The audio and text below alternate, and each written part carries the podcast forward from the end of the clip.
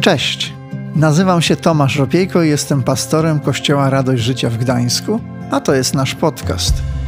Świetnie, że jesteś. Mam nadzieję, że to, co za chwilę usłyszysz, zainspiruje Cię, pomoże lub zachęci do zmiany.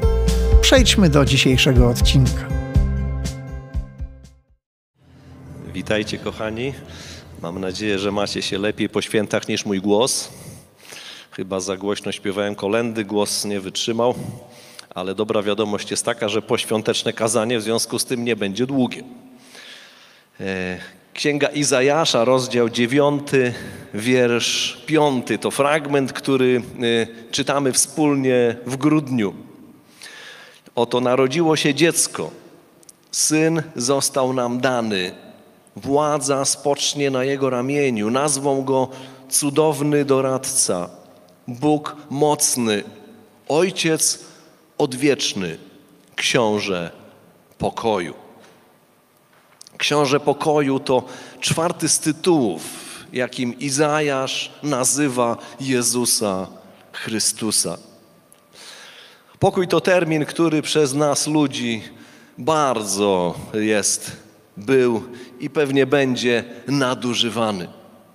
E, Ludzie mojego pokolenia pamiętają o pewnym mocarstwie na wschód, wschód od nas, które wysyłało czołgi do bratnich krajów, ale ogłaszało, że walczy o pokój. E, Albo wspominamy kolarski wyścig pokoju, który jak każdy wyścig pełen był zaciekłej walki i rywalizacji. Niewiele to miało wspólnego z pokojem. Kiedy Izajasz zapowiada przyjście księcia pokoju, mówi o czymś zupełnie, zupełnie innym. Dlatego, że ten hebrajski rzeczownik, szalom, pokój, to nie po prostu brak wojny, ale również harmonia, ład, bezpieczeństwo, spokój, równowaga. Taka głębia znaczeń. Żyd, kiedy mówił szalom, kiedy życzył sobie albo komuś tego pokoju, rozumiał, że życzy wszystkiego, co potrzebne do wzrostu, do rozwoju, tego wewnętrznego i tego zewnętrznego.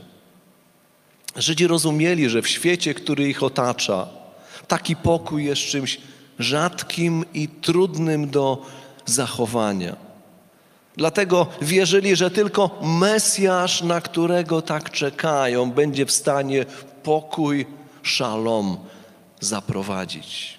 Taki pokój miał być znakiem rządów Mesjasza, gdy on nadejdzie i obejmie władzę.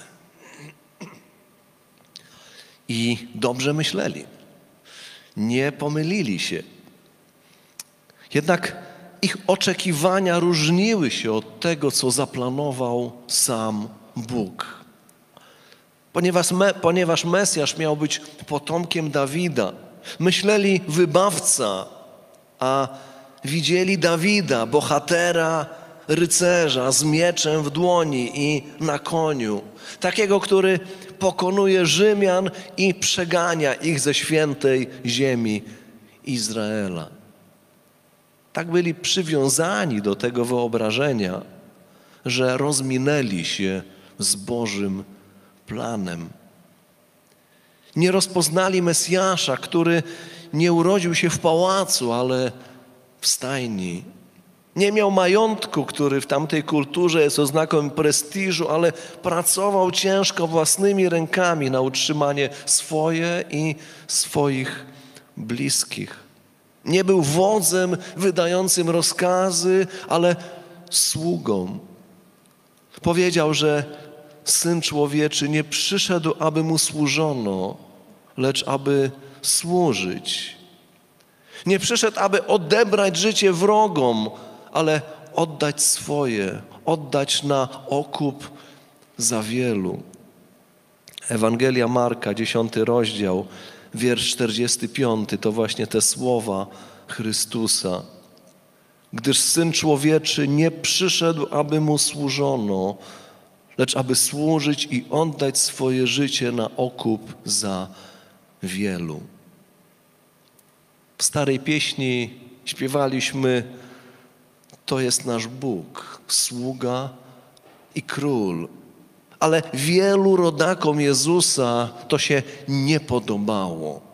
Nie takiego Mesjasza oczekiwali. Kiedy słuchali Jego nauczania, odkrywali ze zdziwieniem, że dla Niego większym problemem niż rzymska niewola było uleganie złemu i poddawanie się niewoli grzechu. Że gorszym od płacenia podatku Rzymowi było służenie swojemu egoizmowi, kierowanie się uprzedzeniami, pychą, wrogością, złością czy nienawiścią. Jezus bez ogródek mówił swoim rodakom, że serce człowieka musi najpierw należeć do Boga. I dopiero kiedy On jest na pierwszym miejscu, y, można zająć się wszystkim innym. Wielu nie chciało tego słuchać. Mówili, że to twarda mowa. Woleliby słuchać o pokonywaniu Rzymian niż swojej grzesznej natury. Chcieli zmieniać świat wokół siebie, a nie byli gotowi zmienić swoich serc. I popatrzcie, tak niewiele zmieniło się od tamtego czasu w nastawieniu, w sercach ludzi. Od dwóch tysięcy lat ludzie o niezmienionych sercach próbują zmieniać świat. Rewolucje, które na swoich sztandarach miały wypisaną walkę z niesprawiedliwością i wyzyskiem, niosły śmierć, zniszczenie, sprawiały, że jedne elity odchodziły, inne się pojawiały, ale niesprawiedliwość i wyzysk miały się dobrze. A potem historia się powtarzała i znowu, i znowu. Nasz grudniowy cykl zatytułowaliśmy Wszystko będzie dobrze. Ostatnia jego odsłona poświęcona jest księciu pokoju i nosi tytuł Nadchodzi porządek. Dziś mówimy o pokoju, ale nie takim przywożonym na lufach czołgów. Chodzi o zupełnie inny pokój, przyniesiony przez księcia pokoju Jezusa. aby On mógł stać się naszym udziałem. Najpierw każdy z nas musi pozwolić, żeby taki pokój Boży zagościł w naszych sercach. Apostoł Paweł w liście do Rzymian w piątym rozdziale, w pierwszym wierszu napisał takie słowa. Usprawiedliwieni zatem na podstawie wiary mamy pokój z Bogiem Stało się to dzięki naszemu Panu Jezusowi Chrystusowi. Oto prawdziwy początek. Jeśli myślisz, że pokój w relacjach pomiędzy ludźmi to rzeczywiście wielki problem i ktoś wreszcie powinien coś z tym zrobić, e, to chciałbym Ci powiedzieć, że masz rację, ale też bardzo się mylisz. Bo to nie ktoś gdzieś może coś w tej sprawie zrobić, ale ty i ja. Bo pokój, ten Boży szalom nie może rządzić w naszych sercach, w naszych nie może rządzić w naszych relacjach z ludźmi, y, jeśli najpierw nie zacznie rządzić w naszych sercach, w Twoim i w moim sercu. A to może się stać tylko dzięki Chrystusowi. On jest księciem pokoju. On przyszedł, żeby pojednać każdego człowieka z Bogiem Ojcem. To dzięki Niemu nasze grzechy mogą zostać przebaczone. Możemy rozpocząć zupełnie nową relację z Bogiem. Dlatego Paweł napisał: Usprawiedliwieni zatem na podstawie wiary mamy pokój z Bogiem. Dopiero kiedy do Twojego życia przyjdzie Chrystus ze swoim pokojem, możesz powiedzieć, że nadchodzi porządek. Bez Chrystusa Porządkowanie naszego życia jest tak mycie lustra brudną gąbką. Próbowaliście kiedyś umyć lustro nie najczystszą gąbką? Choćbyś nie wiem, jak się starał, zawsze zostaną smugi. To grzeszna natura człowieka sprawia, że w naszym życiu zawsze jest jakaś smuga cienia. Że każdy z nas ma jakąś swoją e, ciemną stronę, której się wstydzi. Psalmista mówi: Bóg, mój Pan, oświeca ciemności moje. Biblia mówi nam, że to bunt człowieka wobec Boga i grzech doprowadziły do tej deprawacji.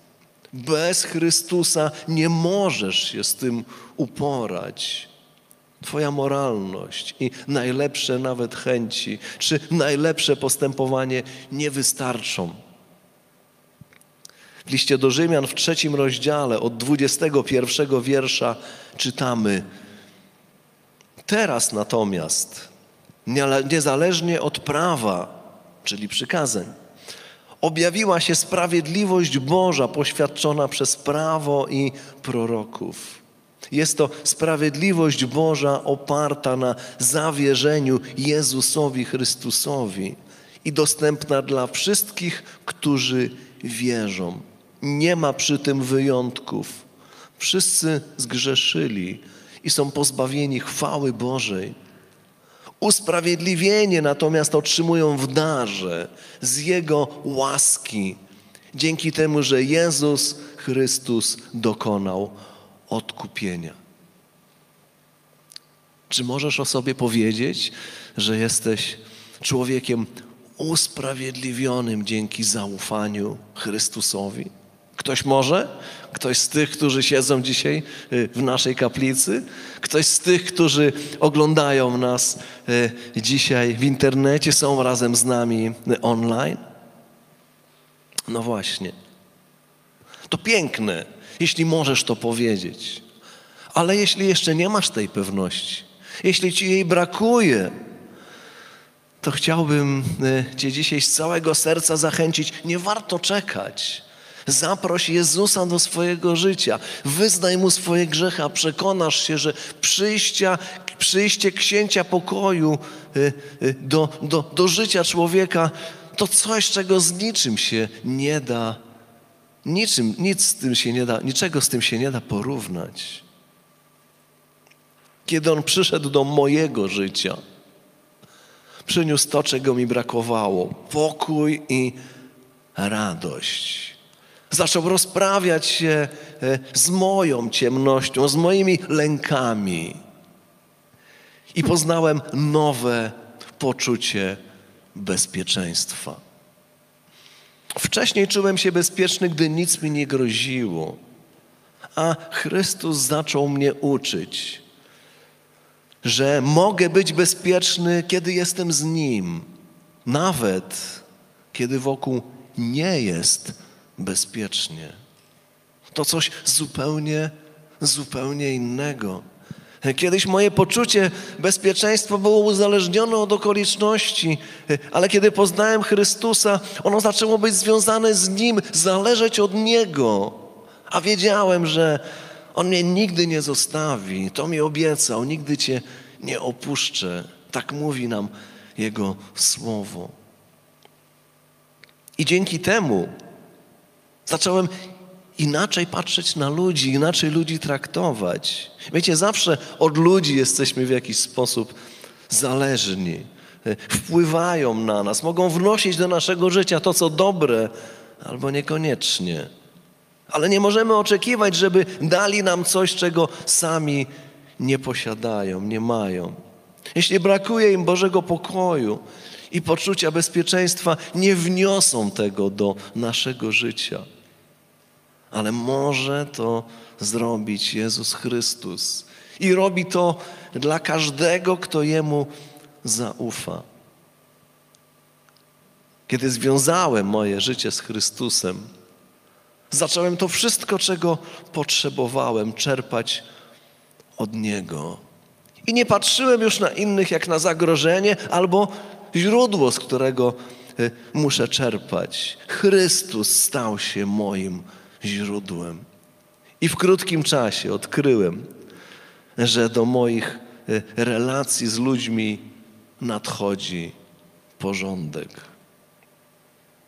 Duch Święty rozpoczął proces porządkowania mojego wnętrza, pozbywania się tego, co złe i zastępowania tego tym, co Boże, tym, co dobre, tym, co pochodzi od Niego.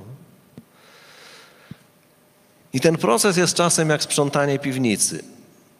Zdarzało Wam się, może przed świętami, sprzątać komórkę w piwnicy albo jakieś pomieszczenie, jeśli Wasza piwnica jest większa? No właśnie, e, mi w związku z remontem się, e, się to zdarzało w tym roku. E, I kiedy sprzątasz jakieś pomieszczenie, to nagle znajdziesz rzeczy, których się nie spodziewasz. Nie wiedziałeś, że je w ogóle masz, że one tam są. I musisz zdecydować, wyrzucić czy zostawić. Przydadzą się jeszcze, czy absolutnie do niczego się nie przydadzą, to grat, którego trzeba się pozbyć. Czasem, kiedy Duch Święty pomaga nam sprzątać, kiedy zaświeci swoim światłem, odnajdziesz jakąś starą urazę albo pretensję, żal do kogoś. I może to rzecz dawno przeterminowana. Patrzysz na datę, kiedy to się zdarzyło 5 lat temu, 10 lat temu, 15 lat temu. Dlaczego w takim razie to się odzywa echem? Dlaczego, kiedy sobie przypomnę, dalej boli? Dlaczego, kiedy do tego wracam, pojawiają się pojawiają się złe emocje i musisz zdecydować, wyrzucić czy zostawić, pozbyć się tego ze swojego życia, czy, czy zachować. Duch Święty mówi: przebacz, nie noś urazy. Jeżeli ta rzecz wraca do ciebie, to znaczy, że trzeba się z nią rozprawić. Trzeba ją uporządkować, trzeba posprzątać. Nie pozwól, żeby to, co jest starym gratem z przeszłości, wpływało na Twoje życie dzisiaj, tutaj, teraz. I musimy decydować, wyrzucić czy przechowywać dalej gdzieś w głębi naszych serc.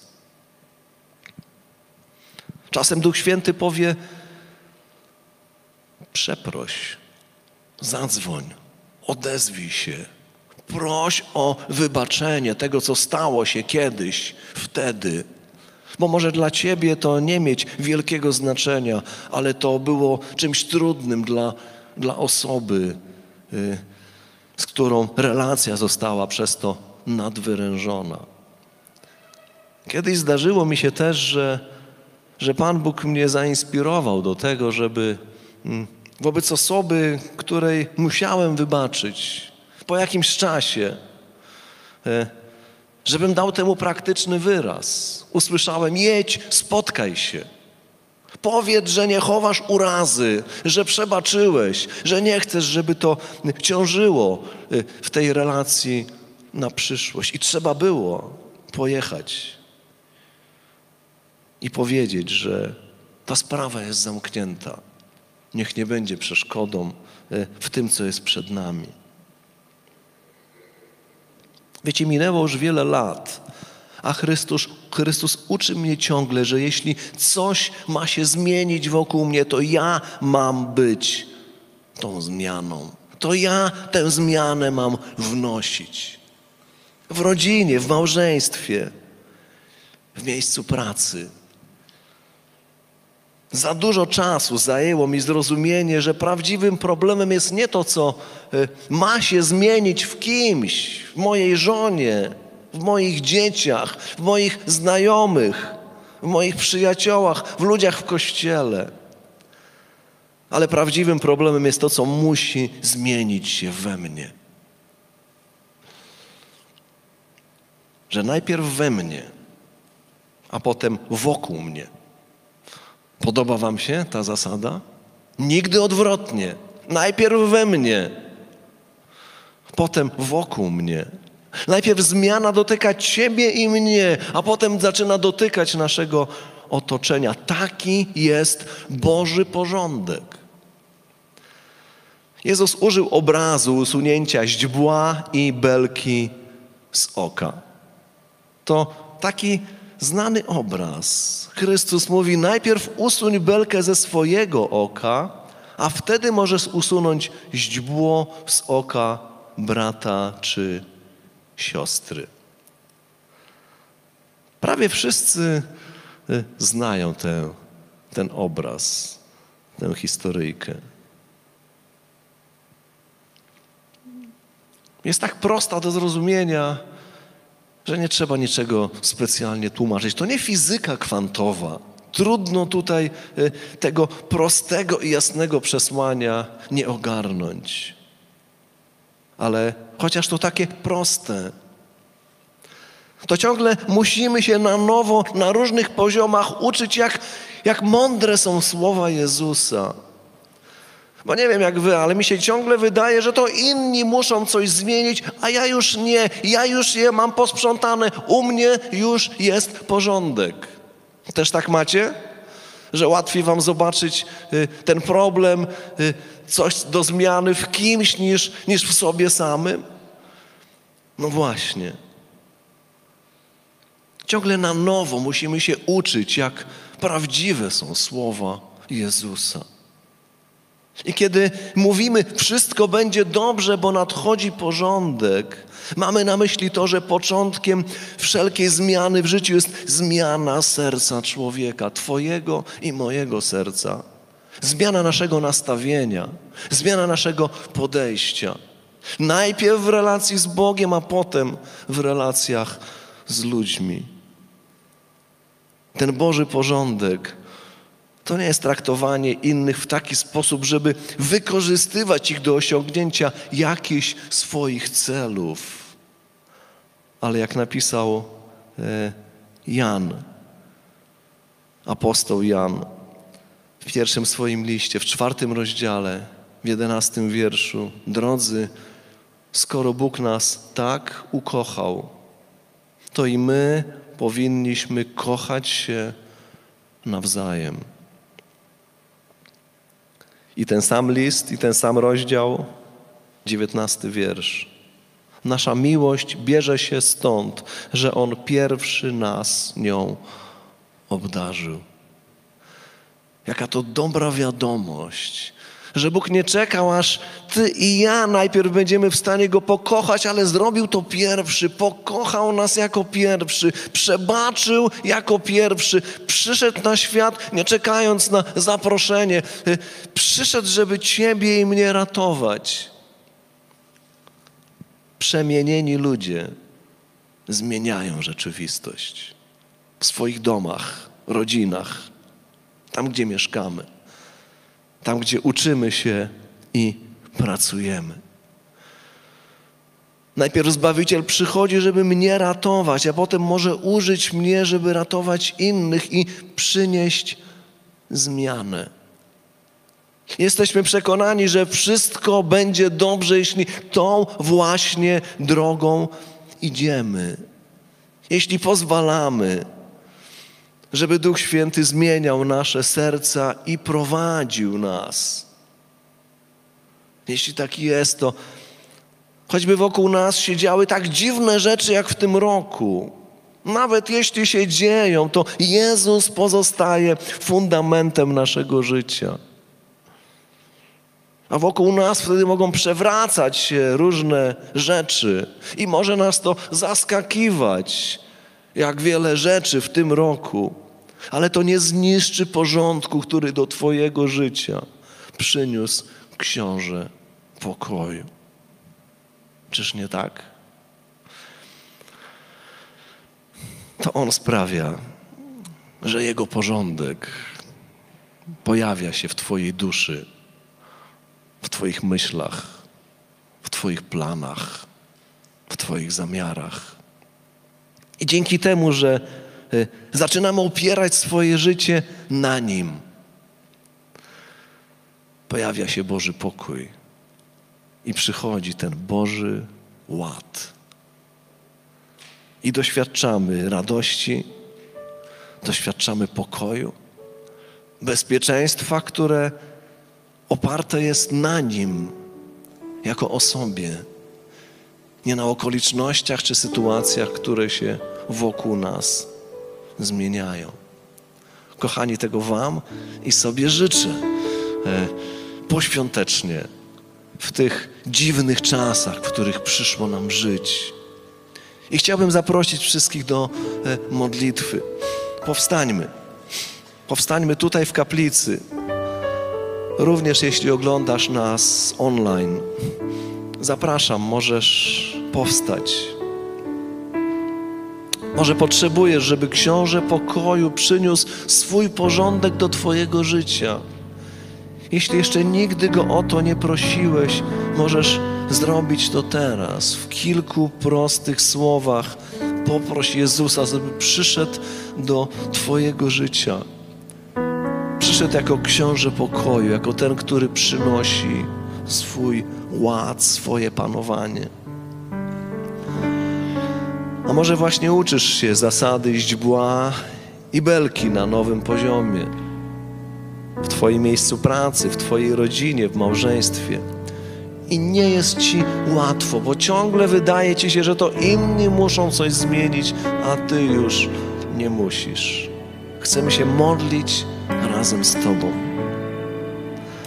A może w tym procesie sprzątania, tym procesie, kiedy Duch Święty oświeca różne zakamarki naszych serc, potrzebujesz pomocy Ducha Świętego, żeby się z czymś rozstać.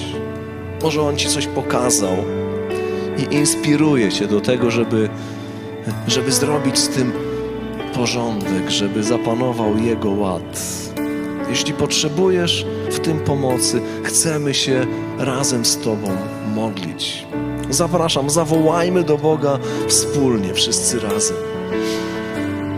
Panie nasz, tak chcemy Ci podziękować za Twoje przyjście na świat, że przyszedłeś jako książę pokoju, nie jako prokurator, nie jako ten, który y, przyszedł nas rozliczyć, ale jako ten, który przyszedł, żeby nas ocalić, żeby nas ratować żeby zmienić nasze serca, nasze wnętrza, po to, aby e, mogła się zmienić rzeczywistość wokół nas. Panie, dziękujemy za to, że w taki niezwykły e, sposób przychodzisz do życia każdego człowieka jako Zbawiciel jako ten, który wnosi pokój i radość, jako ten, który przebacza grzechy.